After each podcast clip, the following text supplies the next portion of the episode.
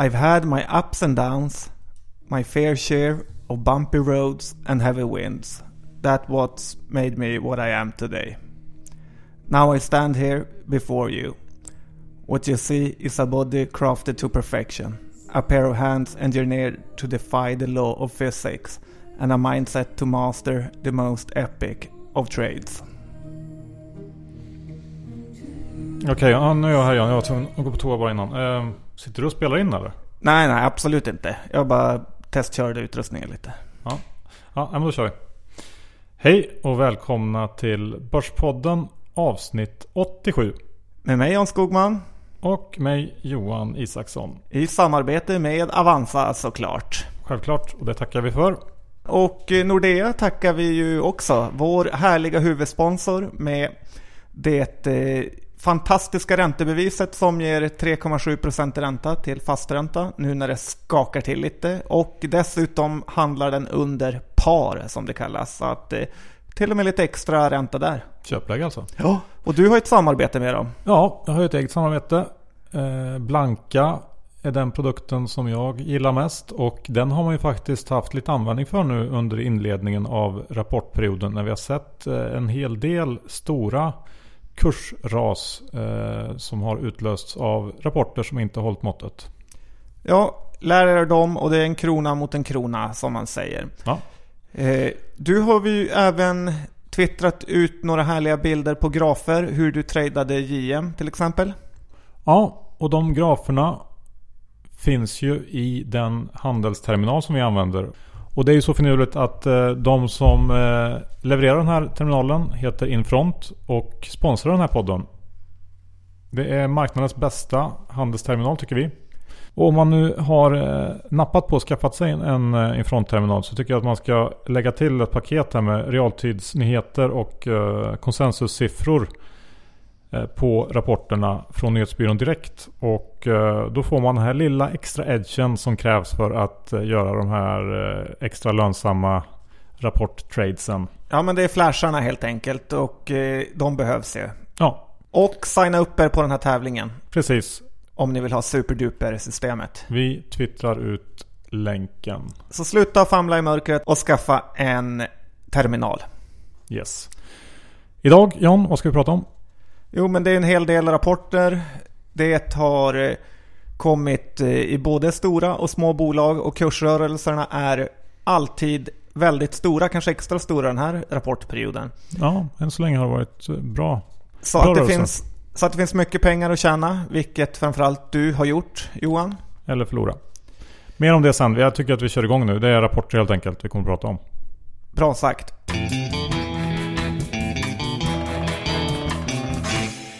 Johan Isaksson, idag öppnade börsen på 17.10. Den är i 16.90 på index nu, så det rör sig. Det rör sig. Vi är ju fortfarande kvar här uppe kring toppnivåer, men det känns lite mer oroligt. Uh, vi kan väl börja med vad som händer i Asien. Kina uh, sänkte bankernas reservkrav för andra gången i år faktiskt, tidigare i veckan. 100 punkter, största sänkningen sedan 2008 och uh, är väl ett fortsatt tecken på att de försöker gasa på lite extra nu för att få igång eh, farten i ekonomin där igen. Ja, för det är ju väldigt, väldigt fart på börserna Johan. Ja, men i den reala ekonomin är det inte riktigt lika bra fart. Så att eh, spännande att följa det. I övrigt så tycker jag det känns som att Grekland börjar bli mer och mer av en faktor som man kanske ska fundera på igen. Eh, vi har ju levt med Grekland i ganska många år nu och deras problem. Men eh, ja, det känns som att det börjar trappas upp igen. Eh, oron kring vad en eventuell Grexit skulle innebära. Och ja, det där får man nog hålla lite koll på nu framöver. De har väl en jättebetalning att göra här i maj som de slirar lite på. Ja, så att det där kommer nog att bara öka och öka i, i media framöver tror jag. Vad säger du om rapportperioden i stort om du ska sammanfatta den lite här efter vi har kanske gått igenom en tredjedel? Ja, generellt så tycker jag att det faktiskt har varit eh, ganska vettiga reaktioner på aktier vars eh, rapporter inte riktigt har hållit måttet. Eh, efter den här eh, kraftiga börsutgången så ska ju ribban vara, ligga ganska högt och det känns som att den har legat hyfsat högt den här gången. Och det är ju skönt tycker jag att det finns någon typ av, av rim och reson då. Att uh, ja, dåliga rapporter uh, får rejält med, där får aktierna rejält med stryk. Men har vi inte sagt så här förut att det är vid rapporterna man vaknar till lite grann och i mellanperioden så går sen aktierna upp ändå? Ja, lite så har det varit. Men ja, vi får se här. Men kul ändå att det har varit bra rörelser och, och åt bägge hållen får vi säga den här gången. Ja, sen har utdelningarna gått som man säger. Och eh, i vissa bolag har det här blivit väldigt dyra affärer. Till exempel den upphåsade Telia som stod dagen innan utdelningen avskildes på 55 och 80. Och nu är den i 50-lappen jämt och det var bara tre spänn man fick där. Ja, så är det. Så att det blev en förlustaffär och rapporten i Telia kommer vi prata mer om såklart.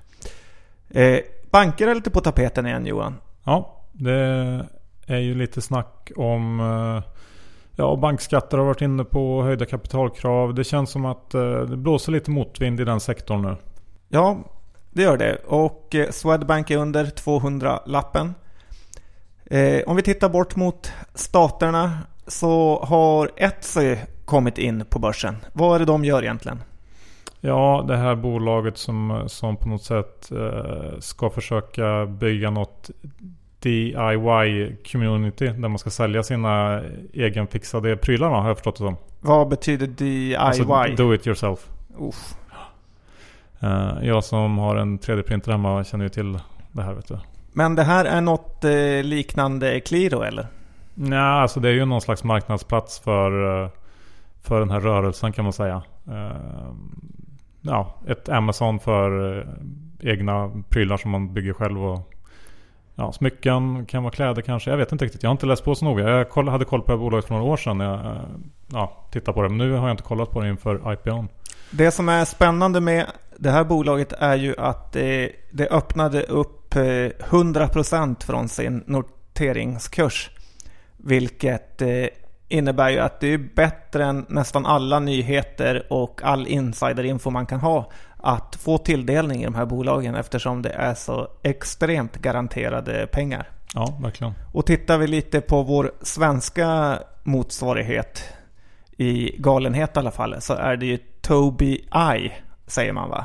Ja, no, vi har fått lära oss det efter veckans aktier att Tobii Eye verkar vara det sättet man uttalar namnet på. Ja, men Tobii Eye har ju stängt klockan 14 idag och eh, den är eh, galet övertecknad. Uppgången där kommer väl vara kanske 50% plus kan vi tippa från eh, teckningskursen. Ja, den blir säkert helt vansinnig här i början. Vi, vi får se. Man får vara försiktig där.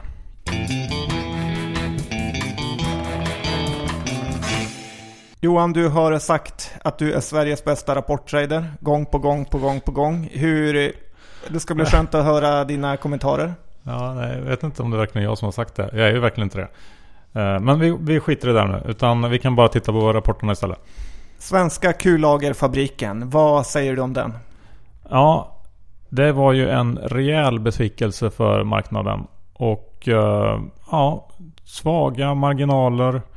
Uh, tråkig outlook. Uh, Europa kommer inte igång. Ja, fanns inte mycket att uh, vara särskilt glad över i den rapporten. Och aktien har gått som en raket inför. Så att um, ja, samtidigt så blev man ju förvånad över den, att det blev en så hård reaktion som det blev. 8-9% ner i fredags. Um, ja. Kanske Simon Blecher som har lurat in hela Sveriges förvaltarkollektiv och eh, sålde dagen innan rapport. Ja, kanske. Vad är ditt eh, slutbetyg för den här SKF? Nej, men den känns, det känns ju som att den, den där kan man låta ligga ett tag nu. Den har gått bra som sagt inför. Och det är ju ändå ett av de verkstadsbolagen som har det tuffast och som har lägst marginal. Och som kanske ska värderas eh, bland de lägre också. Så att nej, låt den där ligga. En annat bolag som eh, åkte på rejält var ju Getinge. Ja, det var det Johan. Det var snack om att eh, det var dags för vändningen vid den här rapporten. Men det var bara vändningen lite mer ner. Ja, marginalen fortsätter ju vara en besvikelse där. Och eh, även Getinges aktie eh, åkte på rejält eh, under rapportdagen där. Eh, också mer kanske än vad jag trodde att den skulle tappa. Ehm, men jag är lite intresserad av vad den här nya VDn Alex Myers kan göra. Eh, som precis har tillträtt. Och eh, han ska köra igång sitt 100 dagars program. Och i slutet på augusti kommer en kapitalmarknadsdag där han ska presentera kanske några nya finansiella mål eller i alla fall en någon slags ny plan för hur man ska få ordning på Getinge som haft det tufft nu ett tag. Jag tycker att Getinge känns ganska intressant ändå på lite längre sikt. Kortsiktigt, eh, ja det känns ju tufft liksom. De här problemen försvinner inte över en natt. Men ehm, ja, han är ju känd för att ha väldigt hårda nypor och det snacket på stan som jag hör är ju att det finns en enorm eh, besparingspotential i Getinge. Och skulle man lyckas plocka fram den så kommer det hända mycket med den här aktien. Eh, nog lite för tidigt kanske just nu att gå på den. Eh, och det var många som gjorde det efter förra rapporten tror jag. Men den här aktien tror jag ändå man ska hålla ögonen på på lite längre sikt. Ja, jag har ju en long term eh, sell på Getinge. För varje gång jag besöker sjukhus så ser man en brun geting med örsin stå och skräpa under en pappershög. Så att eh, det här är inget för mig. Nej, nej, okej. Okay. Autoliv kom med sin rapport klockan 12.00 på onsdagen. Den visste inte marknaden riktigt hur den skulle tolka. Nej, det är ungefär en timme sedan. Eh, från nu alltså när vi spelar in. Eh, och nej, den var väl ganska tråkig. Man, jag hade ju hoppats eh, på att det skulle komma en rejäl besvikelse från Autoliv. Oväntat. Man gör ju det när man är trader eftersom det är, det är roligare att handla på det. Nu kom de eh, guida inline för helåret, guida inline för Q2. Rapporten justerat var ju ändå helt okej. Okay. Svårt att göra så mycket med den rapporten tycker jag. Eh, även om den har gått fruktansvärt bra den aktien också. Uh, möjligtvis att det ändå börjar bli lite toppkänning för Autoliv kan jag känna. Uh, men just den här rapporten var det svårt att agera sådär jättemycket på. Eller vad säger du? Ja, det här är ju en förvaltarfavorit som kommer stödköpas en eh, bra bit framöver innan ja. de ger upp den. Ja. Husqvarna Johan, det är ju ett av bolagen du ogillar tillsammans med Electrolux. Vad säger du om den här rapporten som ändå såg ganska fin ut? Ja, jag får säga att det att de lyckas ju rätt bra här i kvartalet med marginalen som eh, är bra. Kostnadsbesparingsprogrammet eh, löper på och ja, det ser väl helt okej okay ut. Ehm, de säger också att de kommer att kunna motverka negativa valutaeffekter här framöver genom att spara ytterligare lite. Ehm, jag kan tycka att mycket av den här marginalresan som bolaget gjort eh, sista året, åren är inprisat redan och har lite problem med bolag som egentligen varje kvartal kan skylla på eh, om det var för varmt, för kallt, gräset växte mycket lite. Det snöar för mycket. Alltså hela den här biten. Jag, ja, jag gillar inte det. Det är alltid något som man brukar säga. Ja, ungefär så. Så att eh, för mig är det här inte intressant nu. Och eh, jag tror nog att eh, om man tittar på aktien också så känns det som att den får svårt att röra sig kortsiktigt uppåt härifrån. Tror jag. Lundberg på ena sidan, Johan Isaksson på andra. Ett eh, annat gigantbolag som har rapporterat är ju som sagt Telia där utdelningen kom väldigt dyrt köpt. Den är i 50-lappen nu. Och eh, det vill sig inte riktigt för dem. Nej, det gör det inte. Men lik förbannat så kommer du få tre spänn utdelning nästa år också. Och eh, aktien nu 50 jämnt, i alla fall för en stund sedan. Jag tror kanske att den kan halka ner lite till så man kan få den ja, någonstans på 48-49 kanske. Och då tycker jag att den är väldigt intressant. För att eh, det är, ja, det är 6% utdelning och det är bra. Varför älskar alla Tele2 och eh, hatar Telia?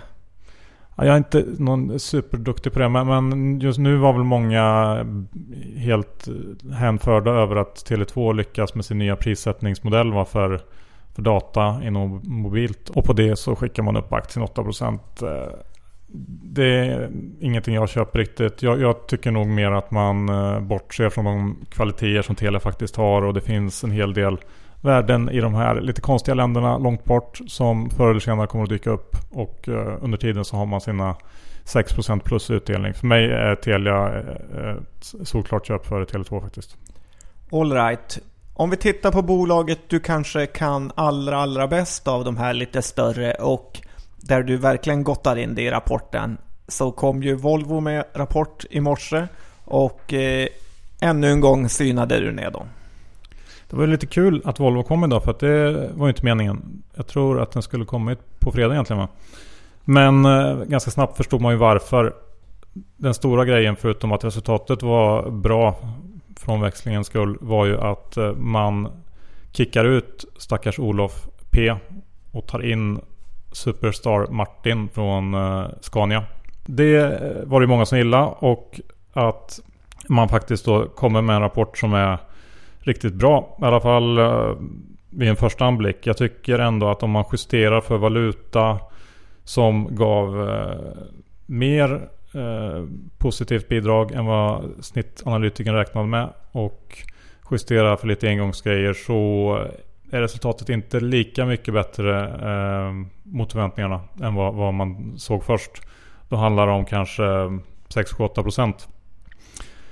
Eh, och jag har också lite svårt för, eh, eller jag undrar egentligen hur, hur mycket ska man väga in de här eh, stora valutavinsterna som många bolag gör? Hur mycket är det värt? Vad vill man betala för det? Vad är en, en multipel på det liksom? Själv tycker inte jag att det känns eh, Eh, som att man borde räkna in så mycket som man gör i det. Men, men det är ju en annan sak. Eh, sen så kan jag också tycka att eh, det är lite eh, speciellt att man nu kickar ut Olof Persson när han levererar ett bra kvartal för första gången på jättelänge. Du lyssnade på Komfan och eh, vad var anledningen till att Olof eh, fick sluta? Ja, då, då hade ju Karl-Henrik Svanberg en uh, liten dragning först där. Där han sa helt enkelt att uh, Olof har gjort jättebra och de var supernöjda. Men att nu var det dags för uh, någon annan att ta över. Och att det var ett annat läge i bolaget. Och, ja, det här vanliga liksom snacket.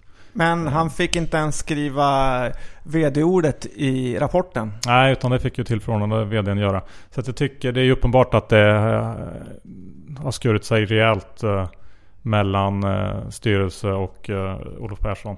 Och att de inte är särskilt nöjda med hans jobb. Nu är väl aktien upp här mitt på dagen 13-14% Extremt mycket kan man tycka. Strecket är sugen va? Ja. Jag skulle inte köpa upp något så här mycket men samtidigt så får man komma ihåg att alla förvaltare ute på stan letar med lykta, med ljus och lykta efter nya case nu och ett Volvo som underpresterat i flera år. Som kommer med en bra rapport och som tar in en ny fräsch VD. Det kommer ju vara en, en story för många att, att köra på nu. Så att um, den här kommer säkert gå bra nu. Ja, det återstår att se. Om vi tittar på de lite mindre bolagen då? Ja, där har du tittat lite närmare på ett antal rapporter John. Ska vi börja med Transcom som vi köpreka här för några månader sedan? Ja, och eh, deras eh, verksamhet fortsätter rulla på. VDn verkar nöjd. Det är inte jättespännande verksamhet med telefonkundtjänst. Men eh, den är fortfarande väldigt billig och jag ser ingen anledning egentligen att eh, hoppa av den här aktien. Lite underligt att för andra, andra telefonkonferensen i rad så var det ingen som ställde en enda fråga. Så det kanske bara var jag som lyssnade. Vad vet jag? Man ska köpa aktier när ingen annan är intresserad och det är väl lite av det läget nu i alla fall. Mm, okay. Ska vi gå över till eh, de här kontraktstillverkarna då? Note kom idag, Kitron i Norge. Ja, två jättefina rapporter. Det här är två bolag som har verkligen styrt upp sin verksamhet och tjänar pengar på riktigt. Note kring P10, Kitron ännu billigare det är ju som sagt kontraktstillverkare, men de är ju ljusår bättre än till exempel Partnertech. Så håll ett öga på dem. Ja, men jag kan ju tillägga det att det här är bolag för de som verkligen tror på konjunkturen. Gör man inte det så är det här ingenting att... Bra asterix där Johan. Mm. Sen har det ju varit en hel del snack om eh, Profilgruppen. Ja, det lilla aluminiumprofilsbolaget. Johan, berätta vad är en aluminiumprofil? Det är en profil av aluminium. Ja, bra. Eh, och det här bolaget har ju varit i en nedåtgående spiralkrasch tills man gjorde nyemission för ett halvår sedan. Och efter det har det eh, verkligen vänt. Nu har ju de här bolagets aktier verkligen stuckit upp i taket med först en omvänd vinstvarning va? Ja, och sen en rekhöjning av Dagens Industri och därefter en monsterorder som de presenterar. Ja. Det låg väl lite större förhoppningar nästan i kursen när rapporten kom här som visst var väldigt bra men du flyger inte till månen med den så den är väl eh, hyfsat värderad här kring 42 strecket. Ja, ska vi ta och titta på bolag då som står på andra sidan av IT-konsultdöden. Ja, och det är ju e-work. Ja. Det går ganska bra för dem. Däremot har ju aktiekursen kanske gått ännu bättre. Och tittar man på grafen så är det som ett eh, streck rakt uppåt från 45 kronor där det var innan förra rapporten. Det är en fin utdelning, det är ett fint bolag. Men den är nog inte värd så mycket mer än så här. Snarare Nej. kanske lite mindre. Lite så känner jag också. Sen har det väl varit lite preffrossa på slutet John? Ja, det händer ju emellanåt att eh, preferensaktierna i olika bolag får sig en körare av någon anledning. Och som de har gått är det ju inte heller konstigt om de skulle tappa lite emellanåt någon gång. Så jag ser ingen större fara ännu i alla fall. Nej, okej. Okay. Eh, sen har vi ju haft, eh, om vi ändå är inne på Frossa-temat, så har vi ju haft lite biotech-Frossa också på slutet. Ja, vi rekade aktiv som nyårstrade och det blev ju väldigt bra. Mm. Sa även i reken att syna absolut inga resultat. Och den som synade brände sig ännu en gång. Ja, verkligen. Det är helt ofattbart vad det här bolaget har underlevererat eh, genom åren. Och eh, det var dags igen här för några dagar sedan när de släppte eh, negativ fas 3-data för eh, Taskinimod. Tror jag man säger. Ja, jag säger inget annat. Spelar ingen roll för det finns inte längre så det är bara att glömma. Um, nu har de kvar uh, Laquinimod va? Uh, och uh, jag vet inte. Det, allt eftersom eh, projekt misslyckas och man kommer med sådana här besvikelser så blir ju värdet av de här sakerna som blir kvar mycket lägre. Och jag har sett riktkurser på 15-20 spänn. Jag tror det är bara att glömma faktiskt. Ehm, det, det, är bara att acceptera att, att eh, det här kommer antagligen inte sluta särskilt bra. Det gör ju det så ofta med forskningsbolagen att det är så vansinnigt, vansinnigt eh, svårt att komma fram med en ny produkt. Och när man väl har kommit fram med en ny produkt, typ Medivir eller Orexo, så är det vansinnig konkurrens på den marknaden också. Så titta på Medivir som under sitt toppår kanske hade P-tal på 5-6 eh, omkring där.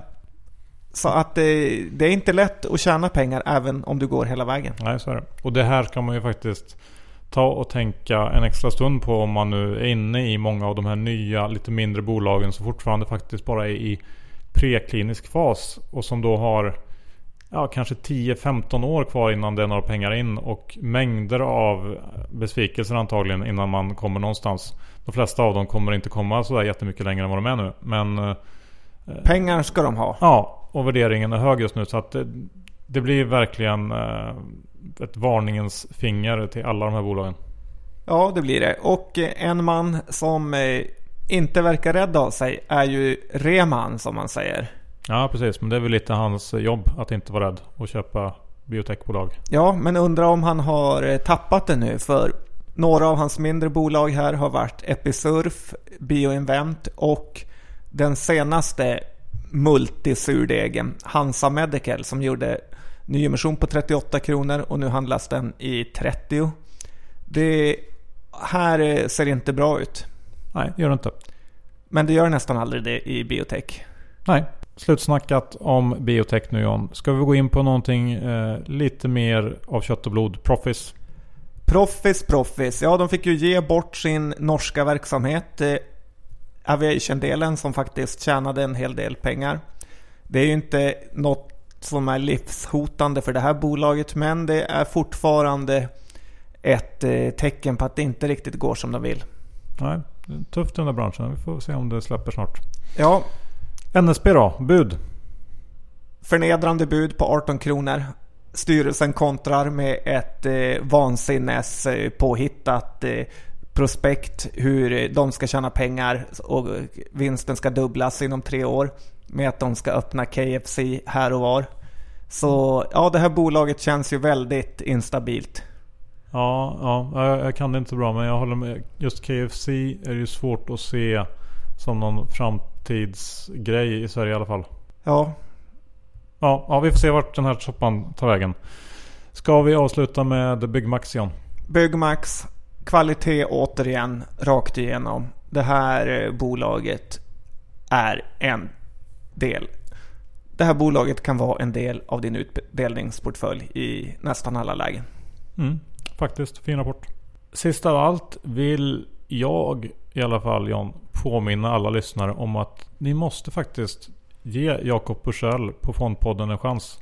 Han gör det ena avsnittet mer fantastiskt än det andra och eh, nu i måndags så släppte han en väldigt intressant intervju med mannen som har ansvar för över 500 miljarder kronor och fick hans syn på börsen, ekonomin och utvecklingen framöver. Lyssna på det. Låter som att du vill snart byta ut mig Johan. Ja, det, lite så. Du Olof får starta egen podd.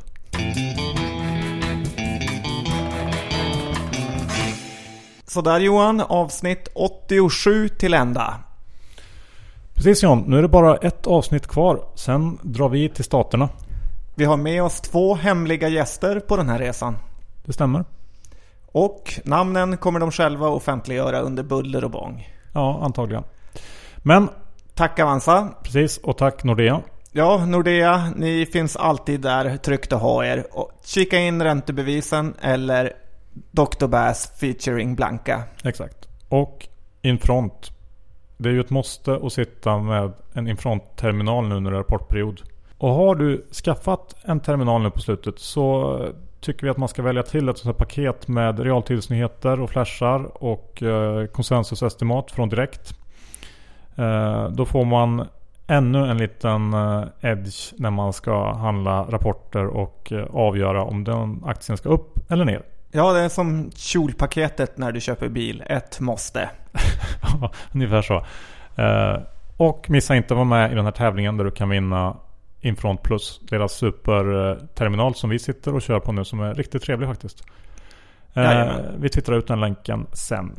Det var nog det vi hade den här veckan. Ja, vi finns på Twitter. Vi börjar snart närma oss eh, en fest då vi inte alls är så många Twitter-följare ifrån Avanza. Och lyssnar ni på oss, lägg till oss på Twitter. Mycket kul där. Ja, och tack för att ni lyssnade förresten. Och lägg till oss på Facebook om ni har Facebook. Ja, Ja, då finns det inget mer än för Börspodden att säga hej då. hej då!